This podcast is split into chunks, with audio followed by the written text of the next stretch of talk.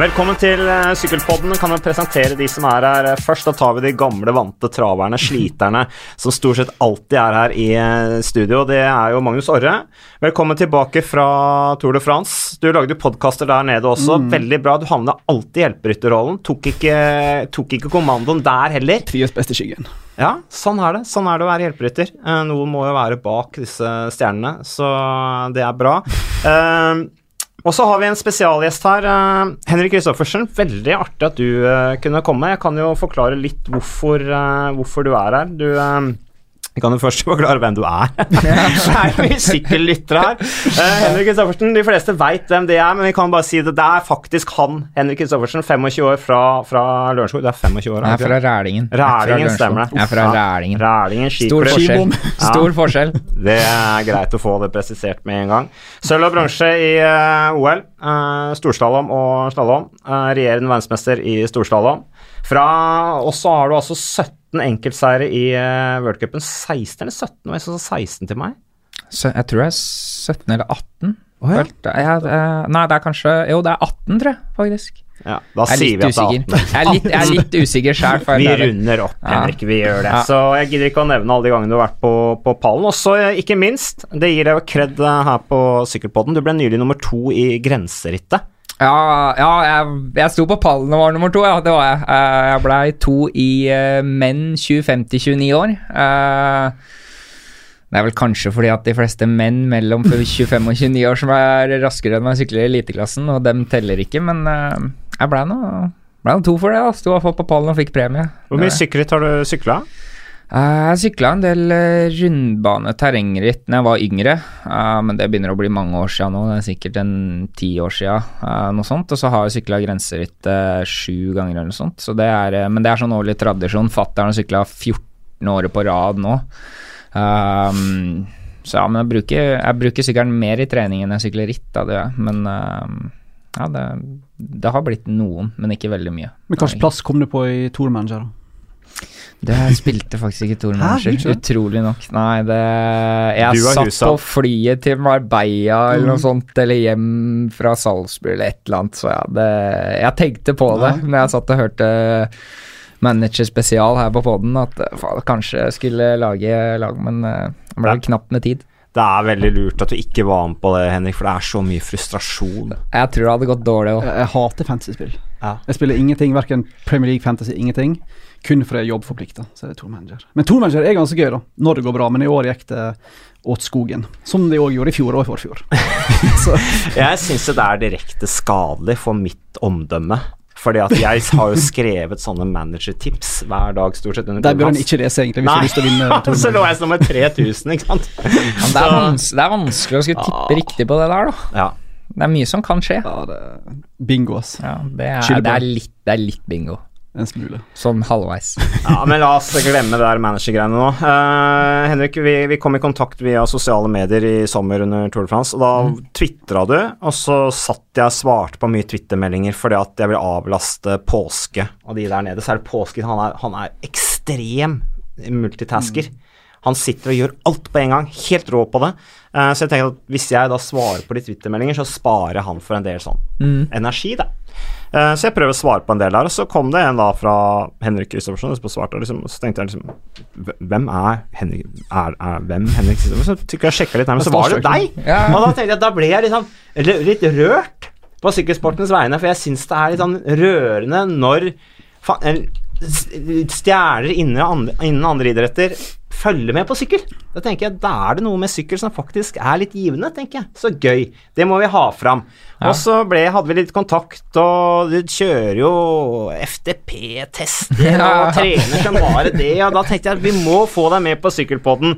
Så det er litt kult. Så du er rett og slett for å preike sykkel. Uh, ja. Men Henrik, eh, når var det du begynte å følge med på, på Tour de France og prosykling, egentlig? Oh, det er lenge siden. Jeg brukte mange timer da jeg var yngre på å se på Tour de France. Da var det, når det var sommerferie, vet du, så passa veldig bra. Så da var det stå opp og ja, trene en økt. Da Da var jeg vel en 10-11 år gammel. Da var det å trene en økt på morgenen, og så var det å spise, se på Tour de France, slappe av midt på dagen. Og så var det å trene en økt til på kvelden, og da var jeg vel en 10-11 år. Uh, og da var det stort sett de timene det gikk an å sitte foran TV-en og se på Tour de France på TV2, de, de så jeg. Så det, det har vært eh, Det har vært eh, mye mye TV2-titting på sykkel, altså. Det har jeg faktisk opp igjennom. Og så har jeg jo sykla Jeg har sykla mest terreng, da, eller grusbanking, eh, sånn sett. Men så fikk du jo landeveissykkel etter hvert når jeg ble litt eldre og sånn òg. Da ble det jo litt sykkel landevei, og så, ja har vært interessert i sykkel veldig lenge, egentlig, sånn sett. Det, det er litt med miljøet på Fossport på Strømmen, uh, som er en sykkelbutikk der, og um, er jo kompis med Henrik Oftedal, uh, som triatletsyklist, uh, sånn, så det, det har vært mye sykkel opp igjennom, altså, det har det. Hvem var barndomshelten, da? Sånn av sykkel mm, Du så Tore Fransen da du var liten, hvem var liksom uh... ja, altså, Siden Tor var norsk, så var Tor på en måte Jeg var faktisk i Strasbourg, var det vel? Når Tor ja. vant prologen der. Der var jeg faktisk. 2006? Uh, ja, stemmer. Uh, så da var jeg vel tolv, hvis jeg ikke jeg regner helt feil. så det var, det var stort. Fikk kreditt av Recall gear og gul trøye og alt mulig, vet du, så da Stoppa han for å signere, eller? Eller var han før? Nei, jeg, så, klar, jeg, klarte ikke å få med å se den, da. Jeg klarte ikke å se den. Jeg så akkurat passerte ved mål, og så, så Jeg så han ikke stå på podiet, men jeg hørte at han sto der. han la merke til at du følger med på sykkel, da. Han følger ja. deg på Instagram. Ja, ja han, har sendt noe sendt noen meldinger og sånt på Instagram, så det Nei, det er, det er veldig kult, for når du har på en måte sånn store helter, så er det, er det veldig kult. Og så sånn i seinere tid så uh, Jeg har hatt Nino Schurter da, mm. på terrengsykling. Er vel kanskje største på terrengsykling gjennom ja. tidene, sånn stort sett. Du har Julian Absalon, men mm. uh, Nino er kanskje større. Men uh, så er jeg veldig fascinert over de sykkelcross, cyclocross-gutta akkurat per dags dato. Oh, ja, med Mathieu også. van der Poel ah, ja. og Wout van Ert. Det er Nå vant jo van der Poel mm rundbane Igjen, ja. I, ja, nå på søndag. Ja. Det er fascinerende, de greiene. Altså. Vinner alltid sykkelcross, og så eh, drar du liksom fem i Flandern med krasj. Ja.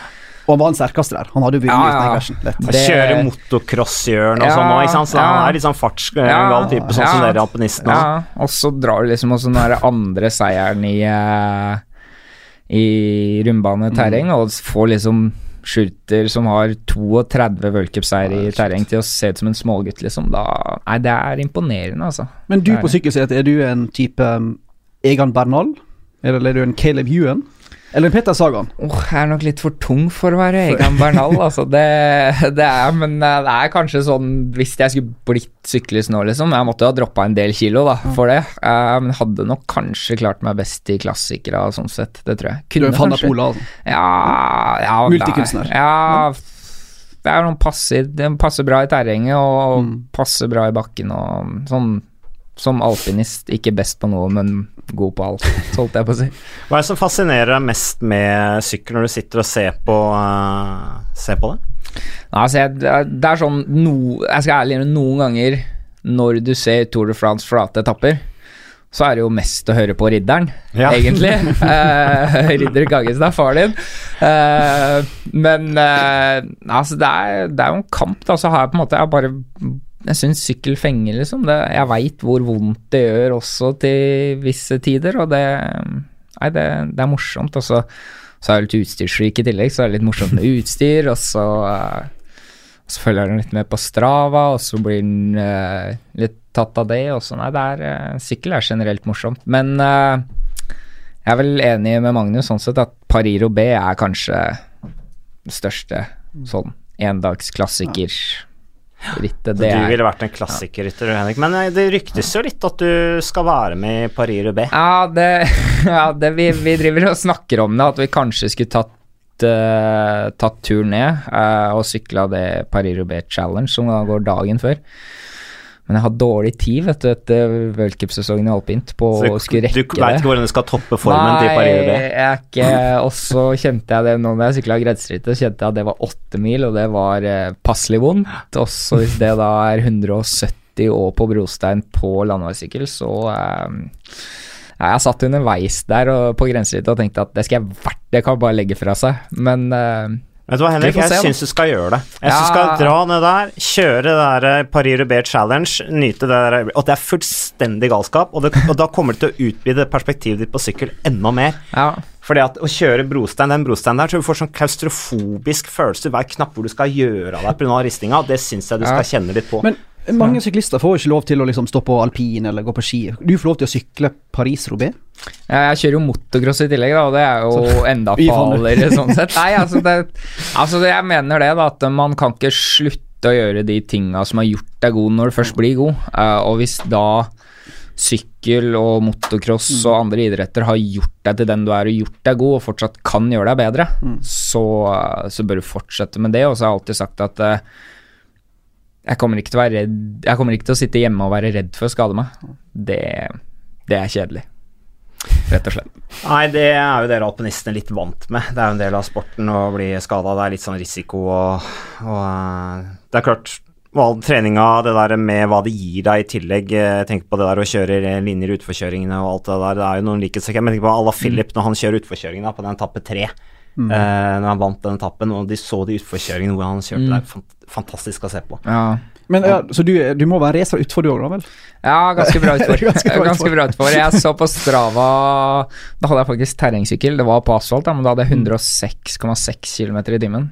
På en terrengsykkel? Terrengsykkel. Oi, helt sikkert. Men uh, Nei, jeg kjente, kjente det sånn som på grenserittet, at det er litt sånn Jeg syns det går litt sakte i utforkjøringen og litt sånn, men det Ja, nei, det Det er mye overførbart, da, med linjevalg og alt mulig sånt. Det er mye der som er, likt, altså, faktisk. Det er det. Men hva med syra? Altså det der å kjenne på syra, for du kjenner jo godt på syra òg når du står alpint når, i Ja. konkurranser. Uh, så Ja. regner jeg med syra står ut av øra på deg. Mm. Uh, når du kjører bakkene, når du tyner eh, maks over bakketoppene for å henge med, sånn som i Nå lærer du noe av det sånn rent sånn fysisk? Gir det deg noe sånn? Ja, altså det, det gjør du helt klart, men vi har alltid Fattern har alltid sagt det, og alltid sagt fra jeg var liten, at vi trener for å orke å trene mer. Uh, det er ofte derfor du trener spesielt når du er ung, da. Uh, og det å orke Altså, du trener om sommeren for å orke å stå mer på ski om vinteren. Uh, og da er jo på en måte Og så er det noe med det å Altså, jeg sier sånn, da, hvis du kjører storslalåm på 1,30, da. Så jo bedre trent du er, jo fortere kan du kjøre. Men når du passer det ett minutt, så gjør det like vondt uansett. Og da handler det mye om hvor vondt orker å ha det. Og jo mer vondt du har hatt det, jo mer vondt orker å ha. Uh, og da er jo det å ha syre på sykkel er veldig fint, da. Det er det. Eh, Jeg husker så- Tyler Hamilton sa vel at han for å bli verdens beste klatrer, noe som han ble når han dopa seg maks der en periode, så sa han Det var helt seriøst, men så sa han at han klarte å venne seg til at syra At han psykisk klarte å omstille seg til at syre, det er en god følelse. mm. At når syra kommer og vondt, så skal jeg tenke nå har jeg det faktisk bra. Er det mulig å få til? Ja, hvis du er i form, så. jeg ikke. Det var, hvis, du er i for, ja, hvis du er i form, men det, det er jo vondt for det. Eh, det gjør det. Nå, men det er litt sånn annerledes, da, fordi at en syklist skal jo holde på mye lenger. Jeg holder jo på mellom 50 sekunder og maks 1,30. Uh, og da er du på en måte på makspuls, og alt går på maks. Og det er jo syre opp til øra når du kommer i mål. Uh, men det er noe med det å faktisk lære seg å ha det vondt, da. Eh, lære seg å tåle det å ikke synes synd på seg sjøl. Og, og det, tror jeg, det tror jeg barn og unge, da, kanskje nå har ja, litt, litt å lære av sånn sett, da. Eh, at det, du må Skal du bli god eller best i noe, så må du orke å ha det litt vondt. Du høres ut som Ridder Kaggestad som sier at ungdommen i dag har det for godt. Ja, men Stor vel... fan av Ridder for å si det, da. Jeg tror jeg lærer av Ja. sønnen min Liam nå om at den Altså, når det svir i beina, Ja. så er det melkesyre. Melkesyre er bra. Jeg er i gang nå med å drive og lære han opp. Ja, det er viktig. Macho-far. Det er viktig. Er Melkesyre er bra. Og det er jo bra for huet òg. Ja, så disse ungdommene men- de trenger å være ute og få litt melkesyre. Ja, så, men det er mange som mener det som sånn som uh, Jeg kjører ofte drag i Haukåsen ved Mariholte. Det er jo hellig gral på Romerike, østkanten på bakkedrag på terrengsykkel, og da Det er liksom Ja, jeg har vel pers på 7,30 eller noe sånt. Det er jo mye lenger enn det jeg skulle holdt på, og liksom går jo inn i rød sone så det holder, og det er kanskje sånn fysiologisk sett kanskje ikke det som utvikler kapasiteten mest.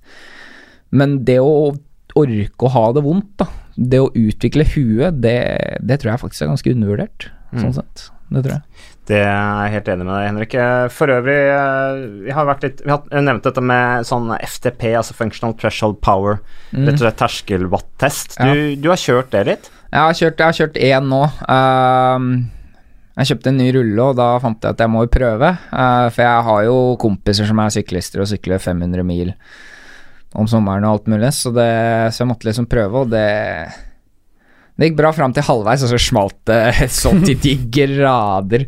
Uh, Gikk ut for hardt, da. Så, ja, gikk ut altfor hardt, det er jo gærent. For jeg, jeg tror lengste jeg har kjørt intervaller på, er ti minutter. Og da når du skal gjøre den FTP-testen da, som er 20 på maks, da Jeg holdt i 10 minutter, og så ble det seigt. Så jeg lå vel på 310 watt i snitt, tror jeg, til halvveis. Og så bare dala det derfra. Så jeg havna vel på sånn 269, jeg tror jeg ble liksom thresholden, da. Men uh, jeg skal klare å øke den ganske mye på kort tid, sånn bare av å ha gjort FTP-testen et par ganger. Så si at vi klarer å komme opp mot 290-300, da. Så, um, så er vel det helt Det er ikke passelig. verst. Man bedømmer jo folk hva de har i terskelvatt. Hva har du, eh? Ja, nå er den sånn rundt 310, tenker jeg. Hva du sa I, nå, altså. Ja, rundt Ja. Tipper sånn rundt 310, sånn Ja. cirka. Du, Sist jeg kjørte det. du sykler jo Du sykler bare sånn der selfie-turer i skauen. Ja, jeg gjør det. Så hva har du? Nei, jeg har faktisk aldri testa det. Eh, Jeg er for redd for å se hvor dårlig det egentlig står til. Så Ja. um, Ja, jeg skrev Det var mange som først så la ut at jeg hadde gjort FTP-test. Og da var det som ja, hva resultat resultatet sånt, og da la jeg bare ut eh, Stravaen og skrev under hva liksom det blei, jo liksom bare Jeg har ikke noe å skjule, det var dårlig, men jeg har ikke noe å skjule. Vi kommer sterkere tilbake Det er helt du, greit. Men Mats, du har jo ikke 310 i terskelwatt nå. Jo, Har du det? tipper det? 300, 310 Når testa du dette? 15 år siden?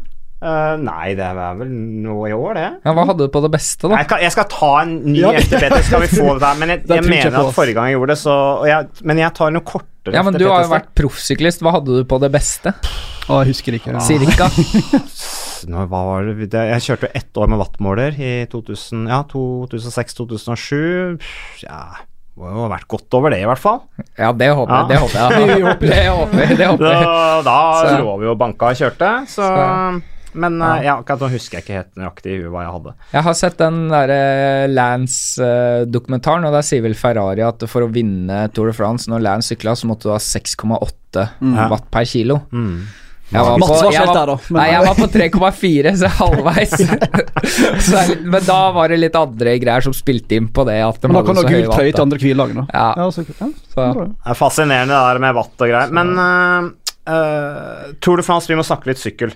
Uh, det er jo veldig på overtid. Altså Tour de France er jo old news, egentlig. Men vi må jo snakke litt om For vi har på en måte ikke snakka om det. Vi må snakke ut om det. Vi må snakke ut om det. Uh, hva, er, hva er det beste minnet fra årets uh, Tour, Tour de Du som har vært der, Magnus. Beste minne Utenomsportslig så må det være når Alexander Kristoff, en mann på 32 år, småbarnsfar, presterer å kalle seg sjøl DJ Polar Bear. det var helt spinnvilt. Uh, og han lagde jo musikk, eh, hvis du kan kalle det musikk. Han lager da, forresten ikke fikk med seg innslagene, han lager russemusikk. Uh, han som han deler da frivillig med rikspressen, utrolig nok. Det var helt um, Tix var nede, for de som kjenner Tix, han um, artisten. Han mente det var meget bra, da. Jeg mener musikken var meget dårlig. Uh, men han, han var Jeg har aldri sett Kristoff Han blir litt lei av oss, det kan jeg godt skjønne. Vi kommer der, jeg blir lei av meg sjøl. Det er samme spørsmål hver dag, og vi er slitne, og han er sliten, og det er litt sånn, sånn, her. sant? Ja, det blir litt sånn. Men når Tix kom ned til Frankrike, han ble et helt nytt menneske. På dag 15 av Tour de France, han våkna helt opp. Så at Kristoff blir kjent nå som DJ Polar Bear, syns jeg var ganske funny. Men sportslig høydepunkt At enten Tourmalet-etappen, for den var kanon, eller Nei, faktisk at Luke Rowe og Tony Martin ble sendt hjem. Det syns jeg var et høydepunkt. Og det syns jeg var Det syns jeg var kanon, at noen endelig bare sa dette går ikke. Få få det bort. Slutt. Dra hjem. Dere har ingenting å gjøre når dere holder på sånn. Det mener jeg faktisk. Ble det veldig seriøst der plutselig. Men det syns jeg var kult at sykkelsporten for en gangs skyld fulgte sine egne regler. Det er de ikke så veldig gode på. Veldig uventa. Bra, Magnus. Bra. Takk. Henrik, Takk. har du noen høydepunkter? Du som fulgte med, du Ja, også? jeg er som TV-seer og uh, sånt, så uh, jeg syns uh, Jeg har ikke sånn spesielt ett godt, perfekt minne sånn sett, men jeg syns eh, fantastisk overraskende bra à Ala Filip, Mm. som forventa av Ineos. Uh, og som TV-seer litt skuffende norsk innsats, men som idrettsutøver kan være forståelig. Ja, ikke sant. så så, ja. Jo, men får du, Eh, når du, som, som idrettsutøver, får du lyst til å hive deg på den der uh, Boas Hagen-kritikken til uh, Kaggestad junior og Kaggestad senior? Eller Men- tenker Nei, du sånn Nei, men, ja, men, eh, nei, men jeg er litt sånn Jeg, jeg, jeg, har, jeg får jo kritikk sjøl, jeg òg, på en måte, når jeg står i en posisjon når du gjør det dårlig. Men uh, ofte så slenger jo jeg ut på TV sjøl at jeg er for dårlig, og får kjeft for at jeg er kritisk til meg sjøl. men uh, Da er du sterk. Ja, eh, men jeg er litt, eh, jeg er litt enig i begge, begge, på en måte. Men det jeg ikke skjønner, spesielt når Mats sa det, at Mats stiller jo bare spørsmål hva, hva Du sier på en måte ingenting, og så hva vil du på en måte? Han kommer jo ikke med noen annen kritikk enn det at vi andre veit på en måte ikke helt hva du Ja, vil med karrieren, eller hva du på en måte skal gjøre framover. Ja, du refererer du til podkasten med Edvald, du nå. Ja, og litt det Det sto vel en artikkel på VG, tror jeg, kanskje, eller noe sånt. Mm, Eh, at på en måte Det Altså Gjør du det samme, så blir du det samme. Skal du da gjøre noe annerledes for at det skal bli bedre, eller hva er på en måte greia? Da Jeg er jo litt fan av å si det som det er, da. Uh, får jo kjeft for det til tider, men sånn er det jo. Men da er det litt sånn Du kan fortsatt si det at du, du ja, vil være en klassikerrytter som jeg er, og gå i brudd og sånn, liksom. Og så er det sånn Hvis ting er for dårlig, så må du si at det er for dårlig, og kanskje si hva du Ja, vi skal prøve å endre på det og det, og så får vi se hva som skjer, liksom. Men, men Henrik, unnskyld at jeg nå, men det, det du sier nå, er jo at du, du, du analyserer Du analyserer situasjonen. Sånn sett er du kanskje litt lik Kristoff. Ja, For han er jo også ganske ærlig i analysen ja, av sine egne Ja. prestasjoner. Ja. Og rett etter målgang òg. Ja. Du får mikrofonen opp i trynet, og adrenalinet er der, og det er 40 varmegrader, og ja. Jeg setter stor pris på det da når jeg sitter og ser det på TV-en, at han sier rett og slett at det her er for dårlig. Det er liksom sånn Da jeg som idrettsutøver sjøl setter utrolig stor pris på det, for det er liksom sånn at du har ikke noe Ja, kjede hoppa en gang, og det røy, giret røyk på Champs-Élysées og alt mulig. Ok, det er forklaring bak det, men også at det liksom Nei, jeg var bare ikke god nok. Mm. Og det er veldig sånn Ok, du, du innrømmer det på en måte, at du Det er bare sånn det er, og da må vi bare trene hardere og se på hva vi skal gjøre annerledes for å bli bedre, og det er jeg, eh, er jeg veldig stor fan av, for du kan på en måte ikke bare, uansett hva som skjer, bare si at eh, nei, det er bare, er bare sånn, liksom. Jeg har ikke, noe, har ikke noe mer å si. Det er sånn Skal du på en måte komme videre, så må du tørre å prøve nye ting, og du må kanskje prøve å tørre å gjøre noe nytt i tider. da. Uh, og utvikle det. Det er jo det som er viktig, for verden og idrett generelt utvikler seg jo hele tida. Men apropos Kristoff, hva syns du om at UAE da altså prøver et nytt uh, en ny sportsdrikk som visstnok binder opp mye mer vann enn tidligere sportsdrikker, og gjør at rytterne blir tunge midt i Tour de France? Ja, det er er ikke for dumt til å Ja, være det er sant? jo, det er jo katastrofe. Det er samme som når vi drar til OL, eksempel, da, der hvor alt er styrt på en måte av Olympiatoppen. Så er det sånn Ok, skal du da gjøre akkurat som det Olympiatoppen sier, eller skal du gjøre det som du alltid har gjort til enhver tid? Du bør gjøre det du alltid har gjort, det du er vant til. Uh, nå er det varierende fra fordi Olympiatoppen er mer sånn Ok, noen idretter er små og trenger større mer hjelp enn det andre gjør, alt mulig sånn. Men da er det sånn, fattern har alltid sagt det at uh, normal is good enough. Uh, og det å starte med noe nytt akkurat på det ja, viktigste rittet på i året, det er uh, utaktisk, sånn sett. Men det jeg ikke skjønner mest med hele den sportsdrikk, Named Sport-drinken-debatten der, er hvorfor har ikke bare UAE-rytterne tatt opp i den sportsdrikken de bruker til vanlig, i ei Named sport, altså Named er altså da sportsdrikkprodusenten, i den flaska? Det er ingen som ser hva rytterne faktisk drikker. Nei, det Nei, men de gidder ikke jo bare ikke å drive og blande flaskene sine sjøl. Ja, men det er si da. hvis det er så viktig, og alle er sure på det her, og alle er tunge, alle Mm. legger på seg, ta den oppi en vanlig sportsdrikk, oppi en Named-flaske, da vel. Ja, men jeg, jeg, tror, jeg. jeg tror det tok litt tid før de skjønte at det faktisk var den Ja. sportsdrikken som gjorde at de følte seg tunge. Og det er jo alltid sånn når det er 40 varmegrader og så varmt som det er, så har man jo tilført eh, drikken salt og sånn, nettopp for at det skal binde mer væske. Det har jo vært ganske vanlig, Ja. i, i, i, i, hvert fall sånn når jeg drev at vi, vi tilførte salt og sånn. Så får du da et produkt Ja, dette her binder væsken bedre. Uh, og tenker du å ja, så bra, men så har det jo ført seg helt forferdelig, da. Så har de jo funnet ut av alt det har veldig, vært underveis. er, det er veldig sånn når det er varmt, da, for at det er vel sånn 1 i væsketap er 10 tap i prestasjon, liksom. Så det er viktig å holde på væska, men uansett, det å starte med noe helt nytt akkurat inn i et ritt som du aldri har prøvd, det er jo samme med Christopher Paris-Roubais når du aldri har kjørt Tubeless. uh, tubeless sånn, ikke sant, og du veit ikke helt om det funker, og så punkterer du tre ganger før du skjønner at uh, skal kanskje bytte. Mm. Da er det litt sånn ok, du burde kanskje ha prøvd ting først, da. Uh, og den smellen går på en måte alle idrettsutøvere på en gang, på en måte. Mm. Men du bør ikke gå på den for mange ganger Men, før men, du bør lære av det. men som to både tidligere og nåværende utøvere, kan en sportsdrikk forklare at så mange på laget er så mye dårligere enn de pleier? Vi så Sergio Inao var ikke i nærheten av sitt gamle jeg. Rui Costa var en skygge av seg sjøl. Daniel Martin var i alle fall en skygge av seg sjøl. Kristoff var etter egen beskrivelse ikke i nærheten. Kan, det, kan, kan en så liten sportsdrikk være grunn til det? Eller er dette på en måte et slags ei unnskyldning? Ja, vi, vi vet jo ikke Jeg vet jo ikke nok hva de holdt på med Som- internt, Ja, men uh, ja. Som alpinist, Ja. nei. Men som syklist så kan det jo altså, Som vi har snakka om, vekt liksom er jo viktig. Mm. Det er jo dessverre sånn. altså Watt per kilo har mye å si. Mm. Uh, og hvis du da går opp i vekt, og du føler deg dårlig, og du skal holde på så lenge Ja, det kan ha en betydning sånn sett, Mm. men uh, Jeg tror ikke det er hele forklaringa, altså. Det er vanskelig å skylde Mm. alt på bare en sportsdrikk, altså. Ja. Det, og da i hvert fall når du ja, 21 etapper, og så klarer du Mm. på en måte ikke å Ja, det er ikke, du drikker ikke det konstant. Du kan bytte, liksom.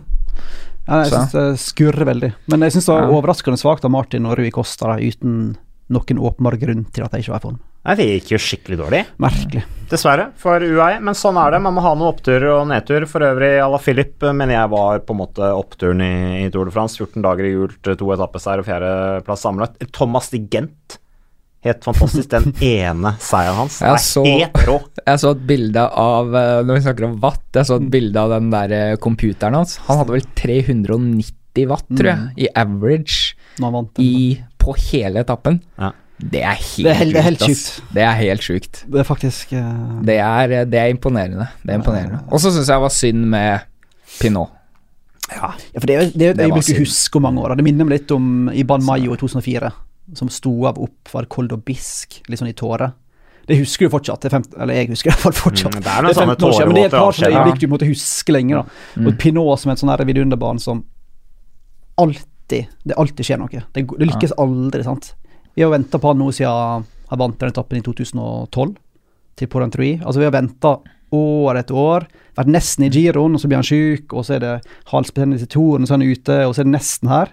Du får vondt av han, da. Han, virker, han framstår mm. som en veldig sånn sympatisk type, og en litt sånn her mo, sånn motgift, hvis vi kan bruke det ordet, mot det der Team Ineos, Team Sky, Mm. kontrollerte greier. Han kjører med hjertet, sant. Veldig sånn klassisk fransk retro-syklist, om vi kan kalle det det. Så Det- det får punkterte veldig vondt av han når du liksom står der og Mm. griner langs veien. Altså. Ja, det punkterte jo veldig for det franske publikum på en måte forventningene der. Ikke sant? Den siste helga der, da, med han og Alaphilippe. Jeg, jeg tror han kunne tatt det. Mm. Det tror jeg. Pinot? Ala Philip hadde ikke sjans. Nei. Men å bare å bli nummer fem, var det ikke det han blei, det, det er utrolig sterkt. Han har vel Altså, når du vinner Milan San Remo, og du vinner klassikere, liksom, og så skal du kjempe om gul trøye i Tour de France, og så ser du liksom type Bernal, da, som er Mm. Det er, det er litt annerledes, men uh, Nei, det var jeg, jeg skjønte ikke helt hva som skjedde heller. Du klarte liksom på, Når du så det bare på TV, så klarte du ikke helt skjønne hva Carl Philippe eller Pinot? Nei, Pinot. Pinot, ja. Da var det liksom Du klarte ikke helt å skjønne hva som skjedde. Uh, sånn Han treff styret med kneet Ja, og sånn. Ja, det var velt. Ja. Avrød muskel i oversida av låret, var det. Som, um, men jeg tenker Ali Filip, jeg tenker det er veldig bra at han ikke holdt helt inn. Jeg tror det er veldig bra for alle skeptikerne der ute at alle Filippe ikke holdt helt inn. Da, da tror jeg ikke vi hadde fått skal jeg si, Da tror jeg mange av altså, Twitter-troller med god grunn hadde begynt å stusse for hva som egentlig foregår. Så jeg tror det var et sunnhetstegn at han egentlig sprakk til slutt. da. Det hadde vært for godt til det er sant om han skulle holde tre uker med det kjøret her. altså. Ja, det er som sier Henrik, han ble er nummer fem, altså bak eh, Buchmann, som ble nummer fire. Men, men Alaphilippe han sier jo Nå, nå overraska han jo med denne femteplassen sin sammenlagt, og så er det da mange de som sier ok, da skal han nå satse i sammendraget, men det kommer han ikke til å gjøre. Han kommer til å på en måte rendyrke den der allsidigheten sin som syklist, og jeg tror på en måte at The Cunning Quickstep, de bare de, de er liksom lag som bare ser Ja, vi ser litt hvordan det går. Uh, vi skal bare vinne mest mulig sykkelløp. Og som vi nytt, Jeg tror ikke de bygger noe sånn voldsom strategi og endrer seg veldig mye på det de driver med for at de plutselig skal gå all in på Tour de France. Jeg tror ikke det passer de som Ja, det, er lag. vel, det er vel vanskelig også med alle de stjernene de har, på en måte. Alle de klassikerstjernene de har. Og hvis du skulle gjøre om helt uh, laget da, og skulle bygd et lag rundt Alaphilippe da, da Skifter jo helt karakter. Altså. Ja, det er vel en Gilbert og litt sånn som kanskje hadde ikke vært helt happy eh, med alt det der, og det ja, jeg tror det hadde, det hadde kosta litt ressurs, ressurser å gjøre det òg, hvis du skulle gjort det. Så det er, mm. det er ikke lett, det greiene der, altså. Jeg tror det er bra at han holder litt igjen på den der eh, Det er altfor mange som går i den fella med at du har ett bra samlet resultat, og så skal du plutselig begynne å legge om hele seg, livsstilen og mm. karriereveien for å bli samla. Altså, vi husker jo eh, José Maria Jiménez, for eksempel. Veldig mange av rytterne som egentlig veldig gode klatrere, show, showmen, entertainere som vinner etapper, går litt gode på alt får ett bra resultat i sammendraget, og så skal du plutselig legge bort alle disse her, eh, si, naturlige instinktene dine for å på en måte bli en mm. sånn her uh, reindyrka uh, Team Ineos-rytter. Blir sjelden veldig bra. altså. Jeg tror, jeg tror syklene har mye mer glede av en Alaphilippe som angriper i nedoverbakker, på temp, mm. opp og ned, altså overalt, enn en Alaphilippe som safer inn til en tredjeplass i Tour de France neste år, liksom. Ja, og neste år sier han at han skal satse på Flandern.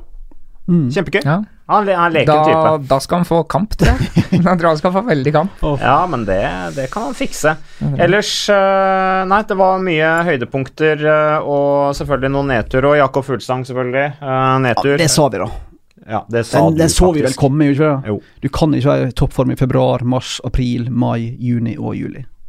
Nei. På samme måte som Flip, så tror jeg det var sunt at han ikke var altfor god i juli. Mm. Port, kjempeskuffelse. Den å sove de fleste komme. Ble nummer 11 til slutt, ble han vel. Han mista den tiendeplassen til Bargil opp Val Thoré siste dagen. Mm. Adam Yates ikke i nærheten. Igjen. Merkelig. Kvetkovskij ikke i nærheten. Det var merkelig. Mm. Moscon. Moscon ikke i nærheten. Bardet. Bardet skuffende. Mm. Selv om han tok Ja.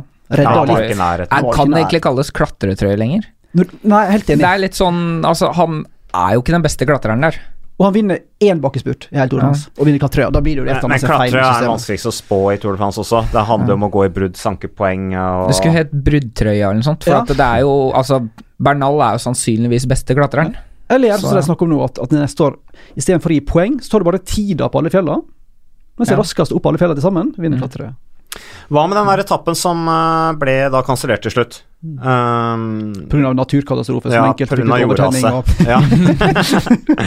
det var jo fair enough, det, da. Ja. Uh, opplevde du det der? Er det, liksom, det er jo Sykkel det er jo helt utrolig, men ja. det, blir jo avlysninger i alpint òg. Ja, ja, det gjør det, og det har vært eh, altså, snakk om samme sted, liksom. Det ble avlyst slalåmrenn, og det er ikke så ofte slalåmrenn blir avlyst pga. at det er dårlig vær. Altså, det var jo nå i vinter, eh, i desember 2018. Da ble det avlyst i Val d'Isère, for det var dårlig vær. og ja. Vi har slitt med å komme oss ned den veien der før, og den veien har vært stengt før. Så det er ikke første gang den veien har vært stengt, altså det er ikke, men eh, sånn fra et idrettsutøvers ståsted fantastisk bra avgjørelse av arrangøren ASO, faktisk. Katastrofe på tempoen med å sette gjerdene feil vei, men uh, utrolig bra avgjørelse å faktisk bare være så raske til å ta den avgjørelsen da, når ja, det var når, naturkatastrofe, veit jeg ikke helt, men det, det var Det gikk jo ikke an å sykle der. Naturkatastrofe, ja, det, var det du så i det, det, ja, det gikk i hvert fall ikke an å sykle der. Nei, men uh, det var faktisk da du tok Det var da jeg først oppdaga at du var interessert i mm. sykkel. For det var det gjerdet på, ja. på etappen, tempoetappen, hvor Stemmer. du liksom Hva er dette her for noe greier, liksom? Ja, Når det... van Ert hang seg opp i det gjerdet og skada seg noe skrekkelig, faktisk. Det er det der var katastrofe, rett og slett. Når du, at det, det der er sånn det der skal du se når du setter opp. Det, det skal ikke være mulig. Nei, det skal ikke være mulig. Uansett om du kappa, Han kappa jo svingen litt for mye, men altså, ting skal gå med fartsretninga, ikke imot uansett. Nei. Og det, det, var, det var faktisk litt katastrofe. Nei, så der får de stryk uh, ASO. For øvrig, jeg mener de kunne løst den uh, etappen som da ble til slutt uh, av, Eller ikke avlyst, men den blir da nøytralisert.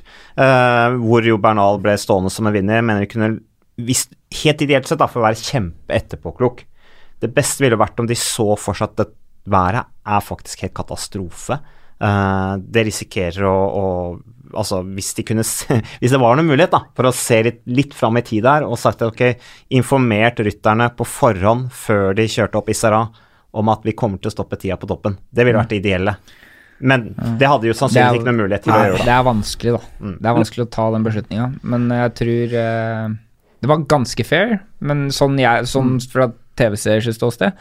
Men jeg tror Kreuzweig var den som Eller hvordan uttaler man Kreuzweig? Ja, han, var, ja, han var den som tapte mest på det. Tror jeg, da. Det er mulig, det. Men det dumme var at du fikk litt sånn, i og med at den siste etappen òg, eller nest siste, da, opp til Val ble korta ned, så fikk du litt sånn antiklimaks-slutt på et ritt som var som uvanlig spennende. En snakka jo om etter etappe 19 at det var Topp fem hadde aldri vært nærmere hverandre siden 1968, da Jan Jansen vant foran Herman sprenger siste dagen her. Og du da bygde opp den voldsomme spenningen, og så får du Ja, det ble et antiklimaks. Så det syns jeg var litt dumt. Men jeg er helt enig at det var riktig vurdering. Den siste etappen, eller nest siste opp til Val Thorens, var jo et langt eh, gjesp. Uh, og du fikk liksom ikke det der voldsomme angrepet fra alle kanter og kaoset vi hadde sett for oss, da. Det ble mye mer kontrollert enn vi Ja. så for oss av den siste etappen til Valtora, fordi at gutta var helt kjørt. De var helt ferdige. Men, Det- også, men jeg tror også rik, riktig mann vant, tror jeg. Jeg Ja, tror ja. sterkeste mann vant. Så sånn sett er det jo for så vidt Ja, sånn sammenlagt Ja. ja. gule trøya var det nok sterkeste mann som Ja. vant, det var det, men det var litt sånn Det var jo bare à la Filip slapp jo bare, mm. I en reklamepause, liksom. Ja. Uh, og that's it, på en måte. Det skjedde jo egentlig ikke veldig mye mer. Er du en av Twitter-trollene som kritiserer oss hver gang vi har reklamepause? Nei, jeg, jeg, har sittet og, jeg har og sett på Sumo, så da kommer ikke reklamen, så det var veldig greit. Men uh, nei, altså dere, Reklamen, det, det er forståelig. Det kan skje, liksom. Uh, men uh, nei, det var liksom Jeg er enig i det, at det var litt sånn der antiklimaks. Ja, At det bare det, Du hadde forventa, liksom, når den ble kort òg, at det skulle bli liksom fyr, men uh, ja, så fra et idrettsutøverståsted ja. så kan du skjønne at folk er slitne. Ja. Så var det skuffende. Du fikk jo ikke ett angrep fra han Emanuel Buchmann, som nummer fire. Du fikk jo ikke ett angrep fra Steven Krausveig, som nummer tre. Movistar angrep, angrepet bare seg sjøl, eller eh, satsa for lagtempo. Ja, men takk Movistar for at vi har Movistar, da. jo, det Til, til, til, å sette, på en måte, til å sette i gang ting. Altså, de, de kjører jo relativt hodeløst i perioder, og, og det går jo ikke alltid deres vei, men de kjører i hvert fall. Hæ? Altså, gutta prater jo ikke i lag. Når Quintana blir frakjørt på Tormalea sitt eget lag, så sier ikke han fra at han er dårlig. Når Landa Du skal angripe opp Galibier når Quintana er brudd. Så sier ikke han da fra at 'jeg er ikke i form nok til å angripe'. Så istedenfor at Quintana havner nesten i gul trøye, så kjører du inn tre minutter på han. Ser du klassiker San Sebastian her på, for to dager siden? Laget kjører og kjører og kjører, bare for at Valverde ikke skal gidde å spurte med andreplassen, og blir med ti til slutt. Det er jo et eller annet Snakker ikke alle spansk der òg, så må jeg skjønne, skjønne hverandre, liksom. Og Eusebio Unsu han lagsjefen har jo drevet laget siden altså, amatørutgava i 3-74, faktisk. Skulle tru det var mer sykkelkompetanse i den hyggelige skrotten på han Unsue, men det er jo helt Jeg, sjokkerende jeg å se tror ikke de klarer å løsdrive seg fra at de alltid har vært et lag som har sittet og tatt mye ansvar. Sånn har jo det Ja. regimet har jo vært sånn i det dynastiet som det sykkellaget der er fra 1980, så har det alltid vært sånn. De har alltid sittet i front og banka, kjørt og ofra hjelperytterne sine i omtrent hvert eneste sykkelløp de har kjørt, bortsett fra i Paris-Roubais og Flandern rundt. Og så er det jo så glad i den lagkonkurransen, som er så viktig. Som ingen, absolutt ingen får med seg. Nei. Du kan skrive på bussen at du vant lagkonkurransen, men det er liksom ingen som eh, Nei, det er så bortkasta. Men uh, karer, uh, Tour de France er old news. Uh, la oss snakke litt om litt andre nyheter. Kan jeg bare spørre om én ting? Ja, Når vi har en nåværende utøver her. Mm. Når du ser uh, Valverde som veier 58 kilo, Mm, og vi lagde litt forskjellige saker på den der vektproblematikken, kan vi kalle det. mm. Hva tenker du som Altså, nå er, Dere har selvfølgelig ikke samme fokus i den idretten du driver med, men Ja, motsatt. Ja, det er motsatt. Jeg skal jo bare opp i vekt, sånn sett. Men hva Så- tenker du om det som Ja, de tallene vi har sett på vekt og på fettprosentene i sykkelsporten? Uh, akkurat når jeg sitter her nå, så, vært, så tenker jeg at eh, det hadde vært deilig å ikke sitte og stappe i seg mat hele tida. Uh, men eh, det er for jeg skal motsatt vei, holdt jeg på å si. Uh, men det jeg, jeg skrev, Det her skrev jeg faktisk oppgave om på videregående, uh, når jeg gikk på skigymnas der. At eh, er liksom om trening er sunt, da, og trening for mange er jo i forhold til det å gå ned i vekt og alt mulig sånt. da, Du kan ta det, og trening er på en måte sunt for å holde seg i form, men toppidrett, det er ikke sunt. Ja. Og der må man klare å skille. Man må klare å skille mellom toppidrett og på en måte mosjonister, da. Og når du har da watt per kilo, som igjen i sykling er utrolig viktig, da Altså, jeg, ikke, jeg er ikke sjokkert, selv om jeg på en måte ikke er syklist på noen som helst måte. Uh, og det er altså liksom Når du hører Tyler Hamilton-boka, liksom, når det er sånn ja, sykler seks-sju timer, og så kommer hjem, og så heller du nedpå 1,5 liter Farris og tar en sovepille, og så går du og legger deg, liksom. Det er jo ikke sunt. Men toppidrett er ikke sunt, og det må man klare å skille mellom idrett da, og toppidrett. Kan vi jo Eh, legge så- til at med Tyler Hamilton, da, i den boka hans, så tilførte han jo kroppen en del andre Ja, remedier òg, er- for å liksom tåle Ja. akkurat det der, da. Ja, men du har jo Froome òg, da, som Ja. sykla og spiste et eple til lunsj, og så sykla igjen, liksom. Så det Ja, det er liksom Det med vekta, det, det er eh, Altså, det er jo som Thor sa også, Hushovd, at det, det er dessverre bare sånn det er. Det er Mm. viktig, og da Altså Når du kommer på det nivået, så handler det ikke om å delta lenger, det handler om å vinne, rett og slett. Nei, det er en del er av hele greia, det. Ja. Eh, Så, så målet for utøverne når de skal være så tynne, det er å være så tynne, men fremdeles prestere. Mm. Eh, Og være så tynne over så lange perioder uten å bli utbrent.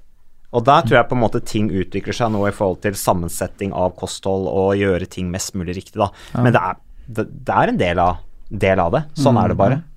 Det, ja. Nei, det er, altså, det er jo mer å dra på opphold, da.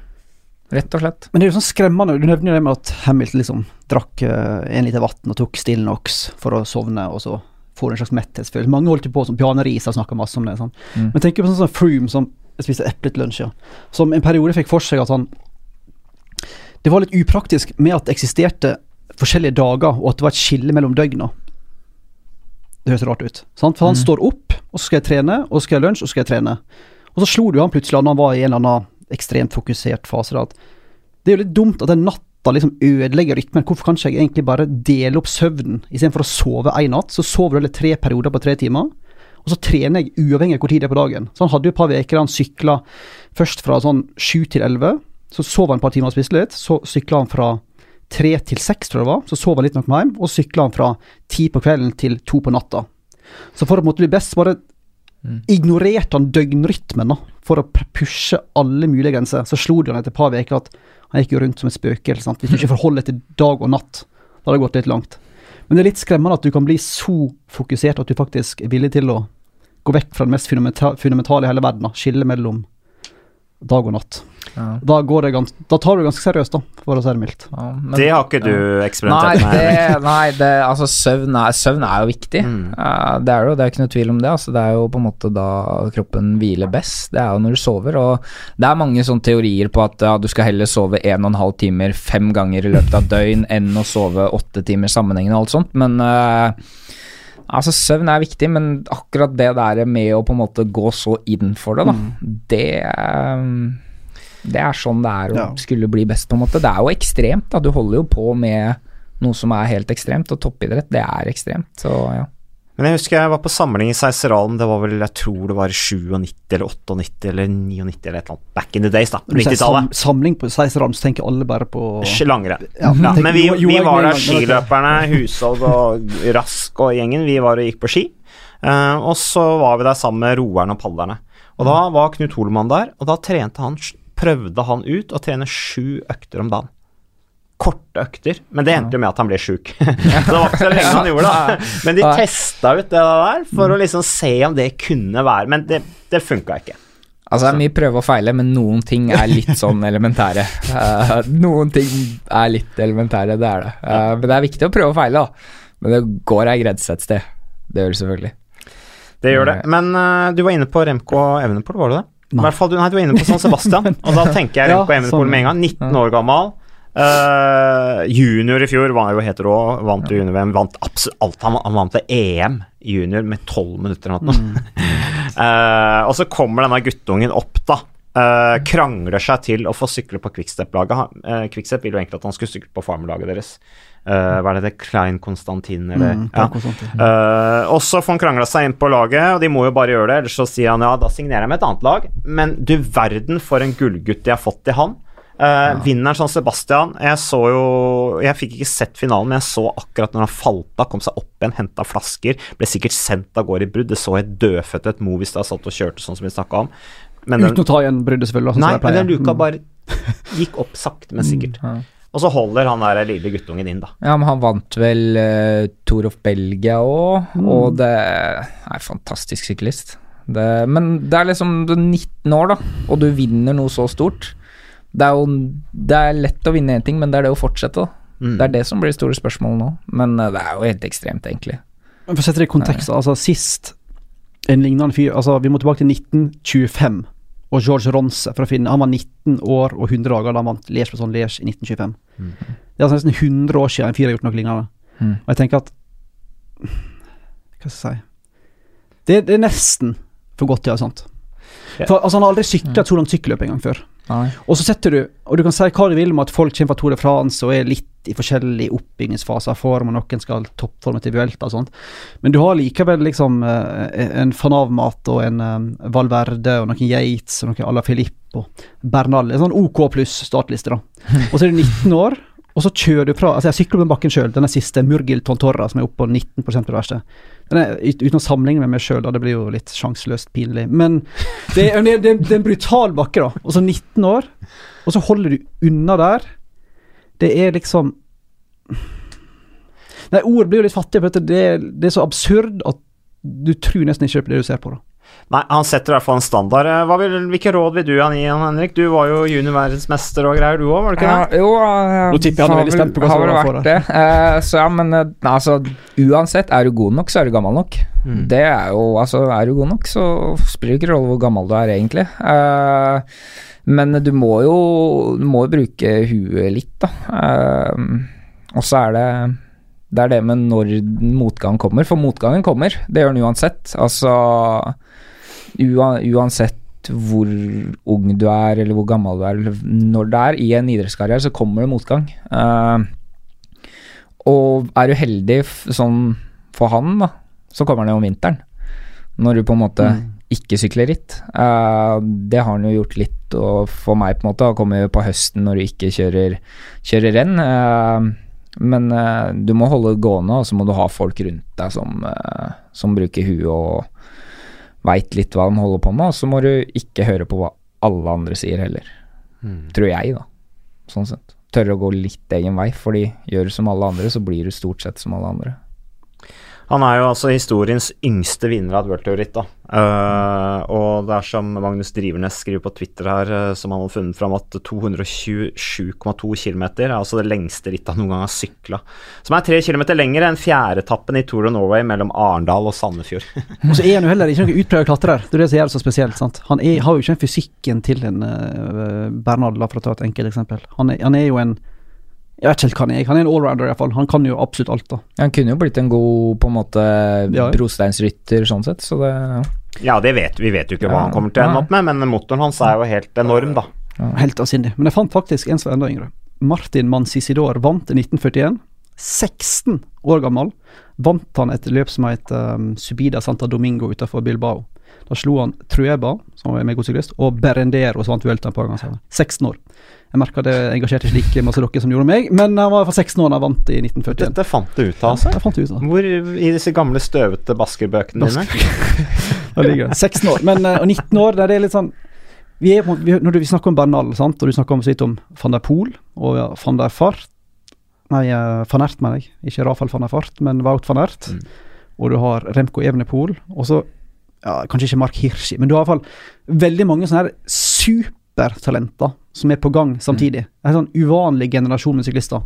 Det er sjelden du får Vi hadde måte Peter Sagan som var liksom alene som et sånt unikum, og så kommer det da ja, van der Poel uh, Jeg vil ta med Gaviria òg. Uh, Mm. Van Ert, uh, Evenepool det, det er sånn, det er rittet som kommer til å dominere sykkelsporten neste 15 åra. Det er sjelden du ser en sånn generasjon komme så tett. da. Ja, Altså, så er det Pogacar, og Ja, du har denne gjengen i Injos, ikke sant, Mm. med Sosa og gutta. eh, med- eh, Ja, og han eh, russeren der. Um, Sivakov. Sivakov, ja. Mm. Så det er mye, mye Ekstrem generasjon kommer Ja. fram.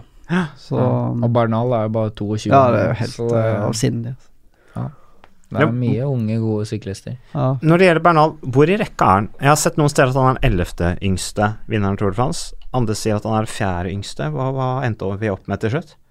Yngste til å vinne gul trøye, i hvert fall, tror jeg. Jeg sier Er det ikke det? 1909, Ja.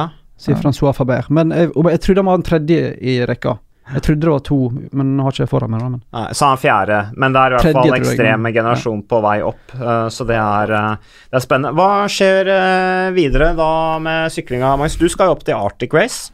Arctic, og så er det Vuelta, og så er det VM. Så det går jo i slag i slag. Du skal kommentere litt Welta òg, skal du ikke? Ja, Sammen med meg. Jo, Det blir gøy. Welta er den kuleste Grand Touren vi har. Det pleier vi å si hvert år for å selge inn dette til publikum som ikke ser på. Ja. Men det er jo faktisk den gøyeste Grand Touren, i og med at du får liksom noen ryttere som liksom er ferdig med sesongen og gir litt F. Noen som må redde sesongen og må liksom gutse, og så er det VM som kommer som et bakteppe der. Vueltaen, mest uforutsigbare og kuleste Grand Touren. Ja, for rytterne kommer dit helt altså de, Ja, det er så de- Noen har trent litt, Mm. noen har trent masse, noen har bare ser litt hvordan det går. De har ikke vært der og sett inn noen løypa. Mm. De tar det litt som det kommer. Arrangørene er noen forbanna sadister. De bare leiter etter de verste stigene de kan finne.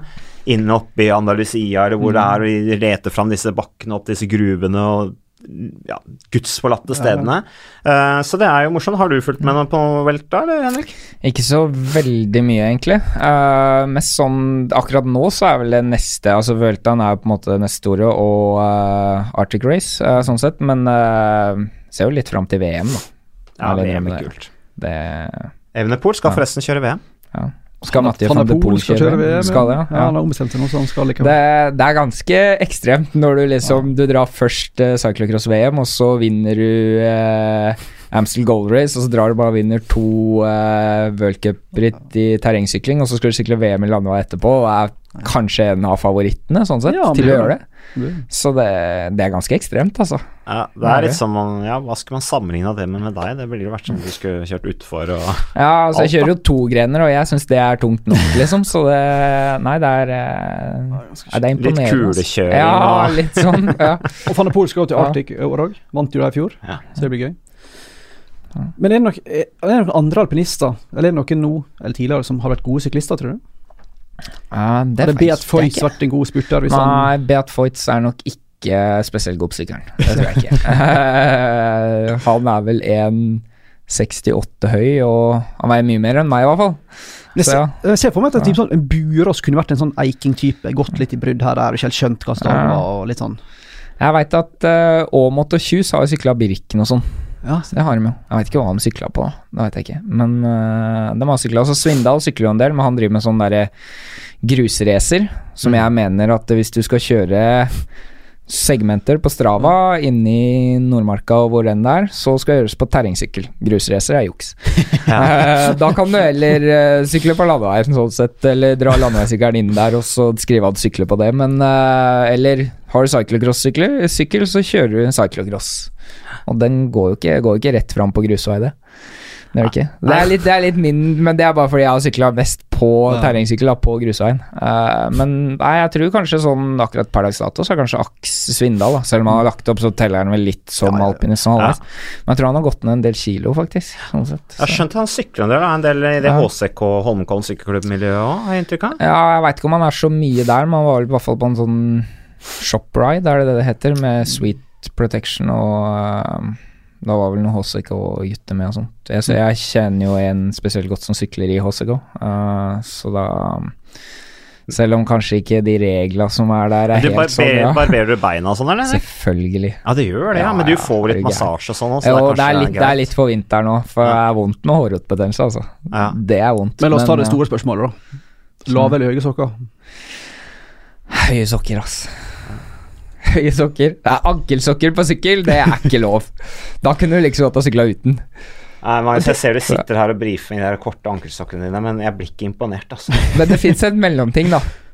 Det fins en mellomting. Det er det. Det gjør Det det. er sant. Så ja. Men eh, de skal være ok oppe på leggen, liksom. De kan ikke være nede på ankla. Det, Det er meg det at ikke. som har sånne kule sokker med sånn dødningsskaller eller, eh, eller sjokoladekake Altså mange ting du kan ha bilder på sokkene. Men at hvis, hvis, hvis det, det er anklene du har lyst til å dra fokuset, da har du ikke noe særlig annet å skryte av, tenker jeg da. Skjønner du hva jeg vil? Men så du mye fine sokker nede i Tour de France, eller, Magnus, som Nei. irriterte deg? Så ingen fine sokker. Nei, men der er det også, se også SRM, disse wattmålerne, har de Ja. også begynt å liksom eh, pimpe opp litt Rann. Jo, men pimpe-opp-ting kan jeg godt like. Ja.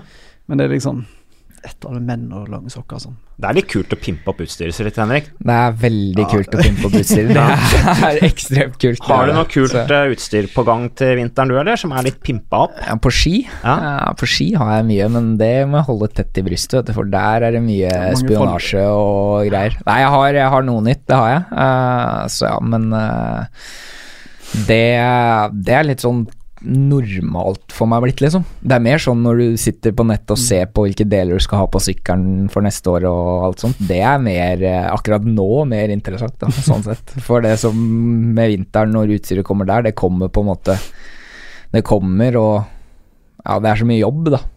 På sykkel så er det litt mer hobby morsomt for min del. Ja. Så det er mye, mye man kan bruke penger på, dessverre. Men du har, alt- du har, du har grus Altså har du grusracer, terrengsykkel, landeveissykkel, har du fullt spekter, eller? Eh, jeg har eh, terrengsykkel, altså en hardtail terrengsykkel, og så har jeg en stisykkel, eh, fulldempa, eh, som er ganske fulldempa, og så har jeg et par landeveissykler. Har ikke noen grusracer. Det tror jeg ikke jeg kommer til å ha med den Mangler første. du en heller. da? Ja, det, det, har jeg, ja, det har jeg prøvd, men i Oslo så er jo det ubrukelig. Nå bor jeg i Salzburg, så det er litt flatere, men eh, det er bare inn i byen. Utafor byen så er det jo bare opp og ned, og da Nei, jeg hold, tror jeg holder meg til det jeg har. Men Henrik, bare litt tilbake til treninga og bruk av sykkel. Uh, dere alpinister trener, jeg vil anta, trener ganske mye eksplosivt og en del syretrening. Ja, det er, ja, det er, altså, det er mange som mener det. Ja. Sånn, hvis du sitter eh, fire-fem timer på landeveissykkelen, så er det på en måte du blir seig i musklene. Seig muskulatur, eh, ikke eksplosiv, men eh, altså, Men det fordøyer jo treninga. Det er Jo, det jeg tenker. Jo, du må bygge, du må bygge kapasitet òg. det må du. Um, sånn sett så er kanskje terrengsykling er jo mer eksplosivt, da. Uh, så er det vel kanskje derfor jeg har gjort det litt mer òg. samtidig så må den jo ha må man jo ha bakkedrag der hvor det gjør vondt, og det er jo like greit å gjøre det på landeveissykkelen som det er, eh, er på terreng. Og så når man på en måte trener mye, så må man jo restituere, og da, da er det fint å sitte på landeveissykkelen da. Eh, jeg gjorde det i dag, satt uh, to timer og et kvarter ute i regnværet i Sørkedalen og Mm. Maridalen, begge to. Så uh, regna ikke i byen, men det regna inn begge de stedene. Eh, Ja, for du kjører jo sikkert mye vekt, tunge vekter, og da er det jo fint å få den syklinga Ja, det er, det er veldig fint, for å, spesielt for å vaske ut i beina. Så jeg sitter, om vinteren sitter jeg på sykkelen hver dag. Om det er da på rulla, da, liksom, sånn, eller om på spinningsykkel. Så det er bedre å sitte på rulla enn på spinningsykkel, da. Det må jeg ærlig innrømme. Men i, i disse tider når uh, Johaug springer friidrett-NM og sånt, får vi se deg i rumbane-NM en gang? Nei, Nei? det gjør vi ikke. Nei. Eh, det gjør det ikke. Det er akkurat Fordi? det spennende Nei, fordi at uh, jeg, For jeg har si at nivået er drita dårlig. Nei, det Jeg tror ikke jeg er noen målestokk der, sånn sett. Det tror jeg ikke. Men jeg kommer nok til å sykle sånn grenseritt til neste Ja, år, og kanskje noen andre ritt. Så får vi se, liksom, hva det blir. Uh, våren er en veldig fin tid sånn for min del å sykle og liksom bygge Bygge kapasitet før du på en måte skal gå inn og begynne å trene mye styrke og sånn. Uh, så da blir det nok eh, Da blir det mye sykling, det gjør det. Så vi bare se hva vi, hva vi finner på. Men uh, det er jo Brukes jo mest som trening, og fordi at det er jo, er jo gøy òg, da. Det. Og planene fremover, hva blir det nå? Nå er det to uker med fortsatt uh, barmarkstrening med løfte vekter og sykle og sånt. Og så uh, har jeg første skidag 21. og da Da går det slag i slag fram til eh, slutten av mars neste år. Midten av mars. Hvor reiser Så- du da? Nå reiser jeg til Sveits eh, i eh, fem dager, og så er planen per dags dato å reise til New Zealand 29. august og bli der i fire uker. Den turen er lang, ass. er, er, Så er sånne samlinger fortsatt gøy, eller har det, mista litt eh, sjarmen når du begynner å bli litt, om ikke gammel, litt eldre iallfall? Jeg har for mange år igjen, forhåpentligvis, Ja. til at eh, det skal miste sjarmen ennå. Uh, nei, altså det er jo litt sånn når du er, eh, når du er borte fire-fem uker hjemmefra det er, det er også en grunn da, til at jeg har flytta til Østerrike, fordi at da er det Jeg bor jo mer hjemme om vinteren eh, når det er renn og sånt, uh, for det er mer sentralt. Men uh, i fjor så Ja, i fjor så så jeg ikke dama på seks uker. Og da er det litt sånn det Ja. Det er litt småkjipt i tider, men det må på en måte til. Og jeg er jo, jeg er jo vant med det. Jeg har gjort det fra jeg var 11-12 år gammel. Seks uker er ingenting, Henrik. Altså, jeg hadde jeg, jeg, Hun jeg er gift med nå, vi hadde perioder på to-tre måneder hvor vi ikke så hverandre noen ting. Og jeg husker en gang det var før FaceTime og Det var før ja. Facebook. Brev? Ja, ja, ja, men altså, jeg husker hun, hun kom ned til meg en dag, eller en gang, eh, og vi Og i. Sør-Frankrike, sant? I, Jeg bodde med i Sør-Frankrike. Ja. Var proff i Crédit Agricole. Og så ringer da Denny Roe, sjefen, eller en av direktørene i Crédit Agricole, og sier du Mats, du må til Polen og sykle Polen rundt. Og så er men Denny, eh, kone, dama mi kom akkurat ned, liksom. Hun skal være en uke. Mats, har du kontrakt for neste år? Nei. Da var det liksom ok. Ja. Hva, Sånn hva, var det. hva sa hun da? Nei, Marita er verdens mest tålmodige person. Det er derfor vi er gift. Ja, jeg har jo klart å få dama til å flytte til Østerrike nå. Og da har du faktisk. jobba godt. Ja, jeg. Jeg har jobba godt med den. Eh, Det, var ikke, det tok et par år for å få det til. Uh, så ja, men det Nei, altså, det er sånn det er. Altså, du er på jobb. Ja. Sånn er det bare. Når du kommer på det nivået, så er det, da blir det en jobb. Det er ikke hobby lenger, og da, da må man være på jobb. Det er samme som at uh, når du må trene to-tre økter om dagen, og du har ikke tid til å på en måte være like sosial som alle andre Mm. om sommeren i juni, liksom, og sånn, og du kan ikke gå ut og bruke masse tid på kveldstid og være sosial. Du skal opp klokka og trene klokka seks dagen etter. Da det er jobben din. Du må det bare er, gjøre det. nå er det bare å tyne mest mulig ut av det de Ja. åra du holder på. Og det er viktig for deg at dama di kommer ned dit. Ja, det Ja, det er Ja, det er Nei, det er jo ikke farlig. Ja, Nei, det gjør jo livet lettere. Altså, ja, men dama har jo Dama er jo litt involvert, da, for hun har jo mastergrad i ernæringsfysiologi. Så, da, så hun hjelper jo til mye med mat og sånn, uh, som er viktig for meg. For jeg, jeg er jo ikke syklist, så jeg skal jo opp i vekt, sånn sett. I hvert fall holde Da vekta. kan du jo bare bruke den sportsdrikken til Ja. Ja. UAE, da. Ja, Olympiatoppen er veldig vanskelig på det der med å få bruke kosttilskudd. Skal være godkjent og alt mulig, så, så det er ikke like lett. Men eh, nei, det nei, altså Man skal jo på en måte Man skal jo prøve å leve et liv òg. Skal man. Det er jo, man skal jo prøve å ha et liv. Uh, men, men er du en type utøver som føler at du ofrer masse for å drive med det? Eller er du den andre typen som mener at dette her er faktisk det gøyeste jeg vet, så jeg føler ikke jeg ofrer fest og sosialt liv på kvelden? nei, det føler jeg ikke at jeg ofrer. Jeg drar heller på en sykkeltur enn drar på Ja. fest. Det, det er ikke noe tvil om. Uh, jeg merker jo det at du ofrer jo visse ting, men det er helt greit. Ja, men hva sånn ville du ofra, da, hvis ikke du satsa? Nei, det er et godt spørsmål. Ja. Så nei, det er Så altså det ville blitt et enda større offer Ja. hvis du ikke hadde satsa. Ja. Altså, når du, om, når du er 60 og du stiller deg spørsmålet Gjorde jeg maks ut av den muligheten jeg hadde? Ja, kanskje det viktigste er kanskje det å kunne se seg sjøl i speilet og si at jeg gjorde faktisk alt jeg kunne for å bli så god jeg kunne bli. Det, det tror jeg faktisk er litt viktig, altså. Det, jeg, jeg jeg syns i hvert fall det. Ja, Den festen kan du ta deg når som helst ellers. Eh, og den festen blir jo enda bedre når man faktisk har ytt litt for å komme dit. Hva var det du skulle stille meg spørsmål om? Nei, ofra du alt? Ja, jeg gjorde, speilet? jeg, gjorde Jeg mener, når jeg ser tilbake på det, mener jeg at jeg gjorde så godt jeg kunne, men jeg gjorde masse feil. Ja, ja, men, Men du, jeg du gjorde la så all godt jeg innsatsen kunne, du kunne. men jeg gjorde masse feil. Ja. Men du lærer av å gjøre feil òg. Mm. Alle gjør feil, og det er det du kanskje lærer mest av, sånn sett. Altså Hvis alt bare går bra, så er det jo Altså, det er jo motbakke, det går oppover. Men uh, Nei, altså, jeg er jo sikkert ferdig som alpinist når jeg er øh, mellom 32 og 34 og- eller noe sånt. Da kjørte vi worldcup siden jeg var 17, liksom, så da tenker jeg at da da kan det hende at det holder. Uh, og da, da er det litt for tidlig å starte å tenke på det allerede nå, på en måte. Men fatter'n har alltid sagt at hvis du legger ned liksom innsatsen nå, fram til du er si maks 35, da, og du gjør alt for det, tenk hvor fett du kan ha det da, da. Etter du er 35, liksom. Ja, faren din har helt rett. Så, så det er på en måte Se det på er Mats nå, han lever livet nå. Sant? La innsatsen Ja. til han var 30, og så har du bare surfa gjennom livet etterpå. Ja, nå var jo ikke jeg der hvor Henrik er sånn rent sånn uh, resultatmessig. Men litt interessant nå blir dette en avsporing egentlig i forhold til hva Men sånn er det jo med hver sykkelpod. Når vi sitter her med er deg Du har jo en far som trener. Jeg har lest boka til Kjetil André Aamodt med Finn. Ja. Mm. Uh, og jeg hadde jo min far som trener også. Mm. Og vi krangla jo så busta føyk i perioder. Åssen er det med deg og din far? Det krangler så busta står og fyker og alt mulig til tider. Nei, altså det har jo vært Nå begynner jeg å bli eldre, da. Ehm, så nå er det mer en dialog, sånn sett. Eh, og så er det mer at han stiller meg spørsmål, eh, og på en måte kontrollerer litt. For det er ikke alt du klarer å se sjøl heller, som idrettsutøver. Um, men når jeg var yngre, da er det sånn du får beskjed om, beskjed om hva du skal gjøre. Og Fattern har alltid sagt det at eh, det nytter ikke å være på trening for å være på trening. Du må faktisk trene når du er på trening.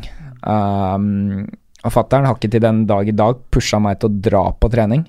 Sånn i forhold til barneidrettsbestemmelser og alle de som syns foreldre innen idrett og alt sånt. Men når du først er på trening, da spilte det ikke så stor rolle hvor mye du sippa eller hvor vondt du hadde. Da skulle det trenes. Um, og det, jeg trente jo mye med de som var eldre, så jeg fikk jo alltid juling og syntes synd på meg sjøl, sikkert. da Men uh, da vokser du opp til å bli ganske hard, da, Uh, sånn sett. Så det Nei, det, det er mye Hvis du ser mye på på idrettsfamilier og fedre og sønner og alt mulig sånt, ser jo med Ingebrigtsen-familien og alt mulig sånt, at det er litt sånn Det må være litt hardt for at du skal komme videre, og det det er kanskje noe sånn jeg hører norske syklister nå, da, per dags dato, så er det, det er litt lite sånn tæl, på en måte. Sånn, nei, veit du hva, jeg skal gjøre alt jeg kan for å bli best, jeg. Samme hva, liksom. Det er litt sånn tilbakeholdent og litt sånn Nei, får se hvordan det går, og litt sånn. Altså Du må tørre å legge lista litt høyt i tider, da. Mm. Uh, det, Det er jo mange det som savner jeg mener litt. at som norske gutter bør flytte utenlands, f.eks. Ja, Tor Hushovd og jeg er jo blant de. Ja. Hvorfor skal de bo hjemme, liksom? Altså, er de som mammadatter? Eh, det, det har vi, det, det Ja. har vi snakket Ja, Vi ja. Brukte uttrykka der, da. Ja, det er venner og altså. Ja, men du har jo, det er dårligere treningsforhold. Hvorfor ikke reise ned men, og bo på skikkelig treningsforhold? Nå er det ikke alle, nå er det en del folk som bor i Girona og sånne ting, men helt klart, altså når du først skal bli proff, sånne ting, flytt til utlandet, få toppforhold, uh, og, og ikke minst dette med å lære seg språk og Ja. alt det Og der. mindre reise til og fra Ja, konkurranse. ikke minst laget setter pris på det. Reiseregningen blir jo mye mindre også for laget. Ja. De har budsjetter, de også. Så nei, så det ja. Jeg hørte jo det under Tour de France med Eiking, at liksom sånn Nei, kommer aldri til å flytte til Belgia, ingenting liksom. Men så er det, er det best treningsforhold i Belgia. Nå er det ikke sikkert det er det, da. Kan det være bedre i Spania eller Gud Frankrike forbi. det er. ja, men liksom sånn Altså, er det der det er best, så må du dra dit det er best. Altså, jeg har jo flytta til Salzburg i Østerrike for en grunn. Eh, og det er jo fordi at det er mest optimalt i forhold til å trene. Um, og noen ganger så må en bare Som det med å ofre ting, da. Altså, jeg ser jo ikke på det som å ofre noe uansett, sånn sett. Så jeg, jeg er kanskje litt den som ikke ser på det som at det er en ofring, ja, sånn sett. Men uh, jeg syns det er litt lite Nå, jeg, Som sagt, Men det er et eventyr å bo i utlandet òg, da. det er det også, men uh, det er litt sånn Nå skal jeg være forsiktig med hva jeg sier på grunn av at jeg er idrettsutøver sjøl, men det er, det er litt få som har litt den der at eh, Nei, vet du hva, jeg skal, jeg skal gjøre alt jeg kan for å bli best, da. Og ta den sjansen, liksom. Det, det er kanskje litt synd, for det mangler litt. Det er det. Ellers så apropos uh, Eiking. Han får jo muligens norsk uh, lagkamerat. Uh, Trond Håkon Tronsen skal kjøre stasjer i Vanti uh, Gobert. Det er eh, gledelig. Eh, men er det noen som har noe å si før vi avslutter? Det var kjempeartig at du kunne bare- komme hit, Henrik. Ja, Apropos idrettsfedre. Jeg tenkte på Johan som i helga eh, kalte nivået i, i friidrett for eh, Eller på langdistansefriidrett for drita dårlig. Ja, 10 000 Han har med, med på godt og vondt slenger ofte litt med leppa. da Oft, Oftest godt, da. Eh, jeg er helt enig med han for så vidt på det han sa her. Men når, når han var da trener for deg når du var aktiv, var han like knallhard svart-hvitt da? Eller det er noe som har skjedd med alderen? Nei, Var til deg sant, du var drita dårlig hvis du var liksom Nei, de, de, han, både han og min mor utfordra meg Ja. på om, når jeg fikk bo gratis hjemme, satse, sånne ting, om jeg faktisk satsa. ja, sånn. Eh, altså, hva er det du vil her? Eh, du får bo gratis hjemme, du får drive med det du driver med. Vi betaler deg, vi kjører deg hit og dit. Altså, satser du, eller skal du finne noe annet å gjøre? Eventuelt begynne å betale for å bo her. Ikke sant? Det, det, det var det de sa til meg. Men fatter'n var jo veldig dette her når det gikk dårlig, så var han utrolig flink til å stille riktige spørsmål, sånn som du sier om din far òg. det er sånn Conny eh, Det er en sånn tilnærming som, som gjør at det blir en veldig fin dialog, da. Uh, og ikke minst veldig støtte når det gikk, gikk veldig trått. Da var han flink til å få meg til liksom ta utgangspunkt i det lille, de få lysglimta det var, da. eh, og bygge videre på det. Så han ble jo bare mer og mer en kamerat, liksom. Ja. Mer og mer en støtte. Men jeg, jo, jeg har jo hørt alle sykkelpoddene, tror jeg, som ligger på Spotify. Og det er litt sånn hører da Ridder Kaggestad. Eh, så eh, ut, utrolig bra, egentlig. Sånn der er det på en måte Du må, du må tørre å gå i deg sjøl, og du må tørre å trene nok og alt mulig sånn. Tørre å ta litt sjanser og være litt hard. Det, den tror jeg er utrolig viktig, da. Skal du bli ordentlig god, og den er eh, den er det. Det er noen som mangler den, og det er noen som ikke vil bruke måte og sånn, da, men ta nå sjansen. Altså, Ja. det verste som kan skje, er at du feiler, men da lærer du, da har du i hvert fall prøvd. Men det må gjøres riktig. Helt klart, helt og det klart. som jeg gjorde, var at jeg trente veldig mye. Stort volum, ikke sant. Og så Mm. trente jeg egentlig litt for feil. Uh, det var ikke nok kontroll på det jeg drev med. Og også dette Mm. med spising. Sånn, tynte vekta maks. Og det har jeg fortalt sjøl, men jeg, det, det er jo helt riktig. Mm. Altså, det er ikke noe hemmelighet hvorfor de beste blir best. Nei. Fordi at de, de, de, de jobber knallhardt, da. Jeg husker det når jeg gikk på skigymnas sjøl, så var det flere som ble sånn overtrent eller feiltrent eller hva det er. Da Mm. Da var det sånn, sånn hadde en trener som sa at nei, jeg skulle ikke trene så mye og alt sånt. Og da var det sånn, altså Skal jeg en dag bli best, så må jeg trene så mye. da har jeg i hvert fall prøvd. Og da, hvis jeg feiler, så feiler jeg. Da var det ikke ment at jeg skulle bli, men jeg har i hvert fall prøvd. Mm. Og den, den syns jeg i hvert fall er viktig. Da. Det syns jeg. Ja, så har du vært mye i bevegelse fra du var liten da, Henrik. Som er helt typisk de som blir veldig gode, for da Ja. tåler du mer trening i voksen Det gjør du. Du må trene for å orke å trene. Mm. Det må jo, det nytter som Ja, altså nå er jo alpint er jo mer en teknisk idrett, så du må jo på en måte ha den motoriske gullalderen når du er litt yngre. Men uh, du må starte et sted, og uh, det tar tid, da. Det gjør det, å bygge opp, og du må bygge en stor base og en stor kapasitet uansett hva du holder på med. Så vi er enige. Begynn tidlig. Få eh, ha ambisjoner på barnas vegne. og Få de ut i Ja, trening. Jeg har begynt nå med Lian og Natalia, Så- eh, men jeg tror vi skal la det være siste ordet. Uh, og så ser vi fram mot Arctic Race og Spania rundt og VM og ikke minst alpinsesongen din, Henrik. Masse lykke til, og takk takk for at du for kunne komme. Takk også til deg, Magnus. Takk.